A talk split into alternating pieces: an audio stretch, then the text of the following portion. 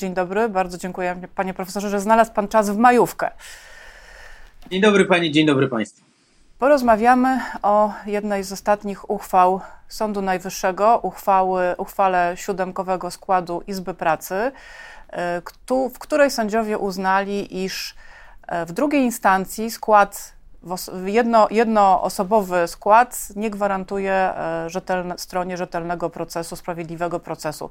Domyślam się, że Pan jest zadowolony z tej uchwały, bo całkiem niedawno na łamach Rzeczpospolitej pisał Pan o y, sądach kapturowych, właśnie krytykując to, iż w drugiej instancji do tej pory w sprawach cywilnych orzekał jeden sędzia. Tak, y, uważam, że dobrze, że Sąd Najwyższy to przeciął, bo te zabawy z COVID-em już y, zaczynają przypominać jakąś troszkę farsę. Y, w zasadzie w Polsce przestaliśmy funkcjonować w rzeczywistości covidowej, a cały czas ta rzeczywistość covidowa jest pretekstem dla sądów do tego, aby rozpoznawać apelacje w składzie jednoosobowym bo to jest ta ustawa covidowa, która stworzyła wyjątek od zasady, która przecież w KPC ciągle obowiązuje, że apelacje rozpoznaje się w składzie trzech sędziów.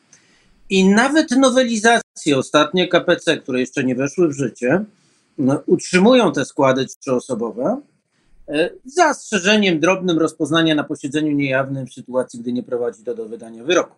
Natomiast normalnie trzech sędziów rozpoznaje apelację i to bardzo ważne, żeby trzech sędziów rozpoznawało apelację. Uważam, że to jest zasada nie tylko dlatego ważna, że jest zapisana w przepisach, zresztą e, nasza rzeczywistość nie zawsze pozwala nam powiedzieć, że to, co jest w przepisach napisane, to jest, to jest naprawdę ważne, ale tutaj to jest akurat naprawdę ważne, bo sąd trzyosobowy, sąd odwoławczy zupełnie inaczej działa. A propos sąd... zasad. Przepraszam, tak, bardzo proszę. A propos zasady, y, siedmiu sędziów nadało przyjętej uchwale moc zasady prawnej. Proszę wyjaśnić widzom, co to oznacza w praktyce. W praktyce to oznacza, że sądy się do tego stosują. Oczywiście moc wiążąca uchwały siedmiu sędziów jest taka, że wiąże składy e, Sądu Najwyższego, e, ale nie wiąże formalnie składów sądów niższej instancji. Znaczy one nie są związane w sposób formalny, ale w sposób nieformalny do tego się normalnie stosują, no choćby zdając sobie sprawę z tego, że ta sprawa kiedyś trafi przed oblicze Sądu Najwyższego, a już Sąd Najwyższy jest związany z zasadą prawną, no i orzeczenie, które będzie niezgodne z zasadą prawną, no powinien zmienić lub uchylić. No bo taka rola Sądu Najwyższego, że e, no już będąc związany swoją własną e, uchwałą tak długo, jak tej zasady prawnej nie zmieni już pełny skład Izby Cywilnej, no bo ta, Izby Pracy, przepraszam, w tym przypadku. Tak by to musiało zadziałać. Więc w nieformalnej rzeczywistości ta uchwała nadaje właściwą interpretację prawa. Czyli w zasadzie sądy powinny to stosować. No ale właśnie ta uchwała spowodowała spore zamieszanie w sądach, bo już następnego dnia po jej wydaniu okazało się, że część sądów uważa, że powinna się do niej zastosować, a część nie. W efekcie w niektórych sądach wokandy pospadały, a w drugich nie. Znaczy, wydaje mi się, że niedostosowanie się do tej ustawy z perspektywy osób odpowiedzialnych za wyznaczanie składów, ale też z perspektywy osób rozpoznających sprawy y, jednoosobowo, no jest moim zdaniem nieodpowiedzialny. Dlatego, że naraża się te strony na to, że gdy sprawa trafi do Sądu Najwyższego, to ta sprawa padnie. A poza tym z zupełnie niezrozumiałych dla mnie przyczyn zdejmuje się im gwarancje, które daje kodeks postępowania cywilnego, że sprawa będzie rozpoznana trójkowo, na podstawie ustawy covidowej, która, tak jak powiedziałem, nie wiadomo dlaczego ciągle jeszcze obowiązuje. No bo maseczek nie ma już nigdzie. Rzeczywistość covidowa w zasadzie chcielibyśmy o niej zapomnieć i my o niej zapominamy. W przestrzeni publicznej tego nie widać. E, więc dlaczego nagle w sądach, gdzie ten dystans nie jest przecież e, tak bliski jak w wielu sferach naszej rzeczywistości, no miałoby to uzasadniać rozpoznanie sprawy w składzie jednoosobowym? Kompletnie tego nie rozumiem. Ta zasada powinna być przez ustawodawcę wycofana jak najszybciej i wrócić do tego, co zapewnia kodeks. Więc moim zdaniem Sąd Najwyższy słusznie zrobił, bo tu wiele racji za tym przemawia, żeby odejść od tej wyjątkowości, która dzisiaj w żaden sposób tymi epidemicznymi zasadami nie jest uzasadnione. A przecież trzeba pamiętać o tym, że trzech sędziów akurat przy apelacji ma naprawdę duże znaczenie. Bo to jest tak, że jeden ten sprawozdawca przygotowuje sprawę. On zawsze trochę lepiej powinien znać sprawę niż inni. On musi ją dokładnie przeczytać, ale później odbywa się jakaś wstępna narada. Ci sędziowie rozmawiają, zadają sobie pytania. Ten opowiada, co wyczytał z akt. I zaczynają się zderzać poglądy. Zaczynają się zderzać poglądy. Ten, który przygotowuje referent, głupio mu czasami wypaść, na, nie, wypaść jako nieprzygotowany przed innymi sędziami. A następnie ta prezentacja odbywa się na rozprawie już w obecności stron. Kiedy te strony prowadzą jakiś dys, dyskurs, wspierają się, uwypuklają argumenty, ci sędziowie reagują, nierzadko zadają pytania i to już nie tylko referent, również inni. Rozpo, nawiązuje się jakaś dyskusja, nierzadko ze stronami. Trzeba pokazać swój stosunek do sprawy, trzeba pokazać te kwestie, które się wydają składowi wątpliwe. Innymi słowy, akurat w postępowaniu odwoławczym w wielu trudnych sprawach widać, jak to jest ważne, że nad sprawą pochyla się kilku ludzi, którzy czasami myślą inaczej. Zresztą ta uchwała siódemkowa nie zapadła przecież jednomyślnie. Tam były różne spostrzeżenia, różne y, myśli y, legły u podstaw rozmaitej argumentacji. Pewnie ją poznamy, bo jak sądzę, będą i zdania odrębne. Zobaczymy, co ci sędziowie, y, jak dyskutowali, będzie to można odtworzyć. Ale to jest ważne. Starły się jakieś poglądy, większość wybrała jakieś rozwiązanie. I tak to powinno działać w apelacji w sądzie odwoławczym. Tylko wtedy te sprawy nie są rozpoznane przez jedną osobę, która a to lepiej przeczyta akta, to gorzej przeczyta akta, to lepiej się przygotuje, to ma gorszy dzień, to nie zauważy jakichś problemów prawnych, a jeszcze jak zrobi to na posiedzeniu niejawnym, to jeszcze nawet nie usłyszy, co te strony mają do powiedzenia.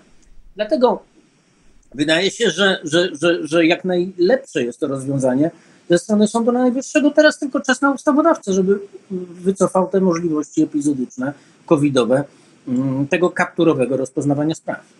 Sąd Najwyższy, jak sam zaznaczył, nadał uchwale moc na przyszłość, co chyba było salomonowym rozwiązaniem. Chodziło o uniknięcie sytuacji, w której e, rozstrzygnięcia wydane dotychczas mogłyby być w jakiś sposób e, podważane.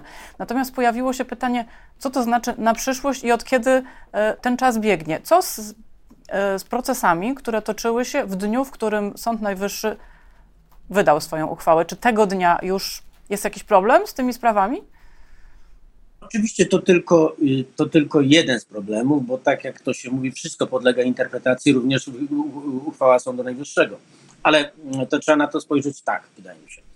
No, jeśli chodzi o to, co sąd robi, sąd y, stosuje taki mechanizm stabilizujący, żeby powiedzieć, że nie ma tej nieważności postępowania, które jest skutkiem wedle uchwały e, rozpoznania w składzie jednoosobowym, wcześniej, aniżeli uchwała została wydana. No moim zdaniem to powinno się rozumieć od dnia następnego, no bo trudno oczekiwać, żeby e, w tym samym dniu sędziowie e, jakimś cudem, e, siedząc na sali, wiedzieli, co się dzieje w Sądzie Najwyższym i, i odgadywali, co, co, co będzie w uchwale albo za 5 minut, albo może 15 minut wcześniej. Więc wydaje mi się, że to jest kwestia, na którą się patrzy, powinno patrzeć od dnia następującego po dniu wydania uchwały. Ale problem jest znacznie szerszy, dlatego że to nie zamyka, to, to, to proste określenie tego, tej daty początkowej, no można to zrobić. Ale to nie jest przecież tak, że te składy wcześniej były dobre. Rzeczywiście ta uchwała działa na przyszłość. Tak przynajmniej sąd mówi. Oczywiście to jest problem, bo pytanie, czy, czy, czy Sąd Najwyższy w ogóle powinien stosować konstrukcję taką, która mówi, to działa na przyszłość, skoro jego zadaniem jest wykładnia i stosowanie prawa, a w tym przypadku wykładnia prawa, interpretacja. No nie ma interpretacji dobrej do wczoraj, interpretacji dobrej od dziś. Interpretacja po prostu jakaś jest, więc wydaje mi się, że trzeba sobie powiedzieć, mm, że to, to, to działa tak. Zresztą coś podobnego było kiedyś przy uchwale trzech izb, też był podobny mechanizm stabilizujący.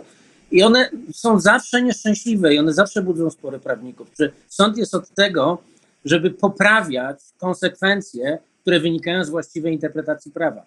Czy lepiej jest zachować te orzeczenia, czy lepiej mm, no, powiedzieć, a teraz sobie ustawodawco naprawiaj pasztet, który, który, który sam sobie zgotowałeś. myślę, że myślę, że trzeba na to patrzeć tak, że te składy jednoosobowe po prostu były wadliwe. Być może one były w jakimś czasie epidemicznie uzasadnionym dopuszczalne. Ale wydaje mi się, że nawet pomimo nadania na przyszłość, konkretnych sytuacjach, gdzie nie będzie tej nieważności, bo to sąd wyraźnie powiedział, ale gdyby wykazać, że tego rodzaju uchybienie przepisom postępowania, no, czyli rozpoznaniu według zasad e, kodeksowych, trójkowe, mogło mieć wpływ na wynik sprawy, bo tego wymaga KPC przy innych niż nieważność postępowania e, zarzutach mm, procesowych. E, no, czyli wykazać, że ten sędzia jednoosobowo popełnił tak wiele błędów, że w konkretnym przypadku nie zapewnił ten sąd możliwości obrony tych praw, to jako zwykłe naruszenie przepisów postępowania mogłoby być również brane pod uwagę już nie z urzędu, tylko, tylko, tylko, tylko na zarzut strony. Ale rzeczywiście Sąd Najwyższy wskazał, że ta nieważność działa na przyszłość, czyli moim zdaniem od dnia następującego po dniu wydania uchwały. A czy nie było błędem, że sąd nie wskazał, iż to będzie działać dopiero w, przypadku spraw, które się do, rozpoczną? Bo Wiemy, że nastąpił bałagan w sądach, że wiele wokant pospadało. E, no, żalili mi się pełnomocnicy, że mieli na przykład e, już termin wyznaczony powiedzmy na 10 maja, termin spadł. E, no i dlaczego tak? Czy można było na przykład jeszcze troszeczkę tę interpretację poszerzyć, żeby sprawy już się dokończyły, te, które miały szansę się zakończyć w najbliższym czasie? Panie redaktor, bałagan w sądach zawsze był i wydaje mi się, że jeszcze długo zostanie.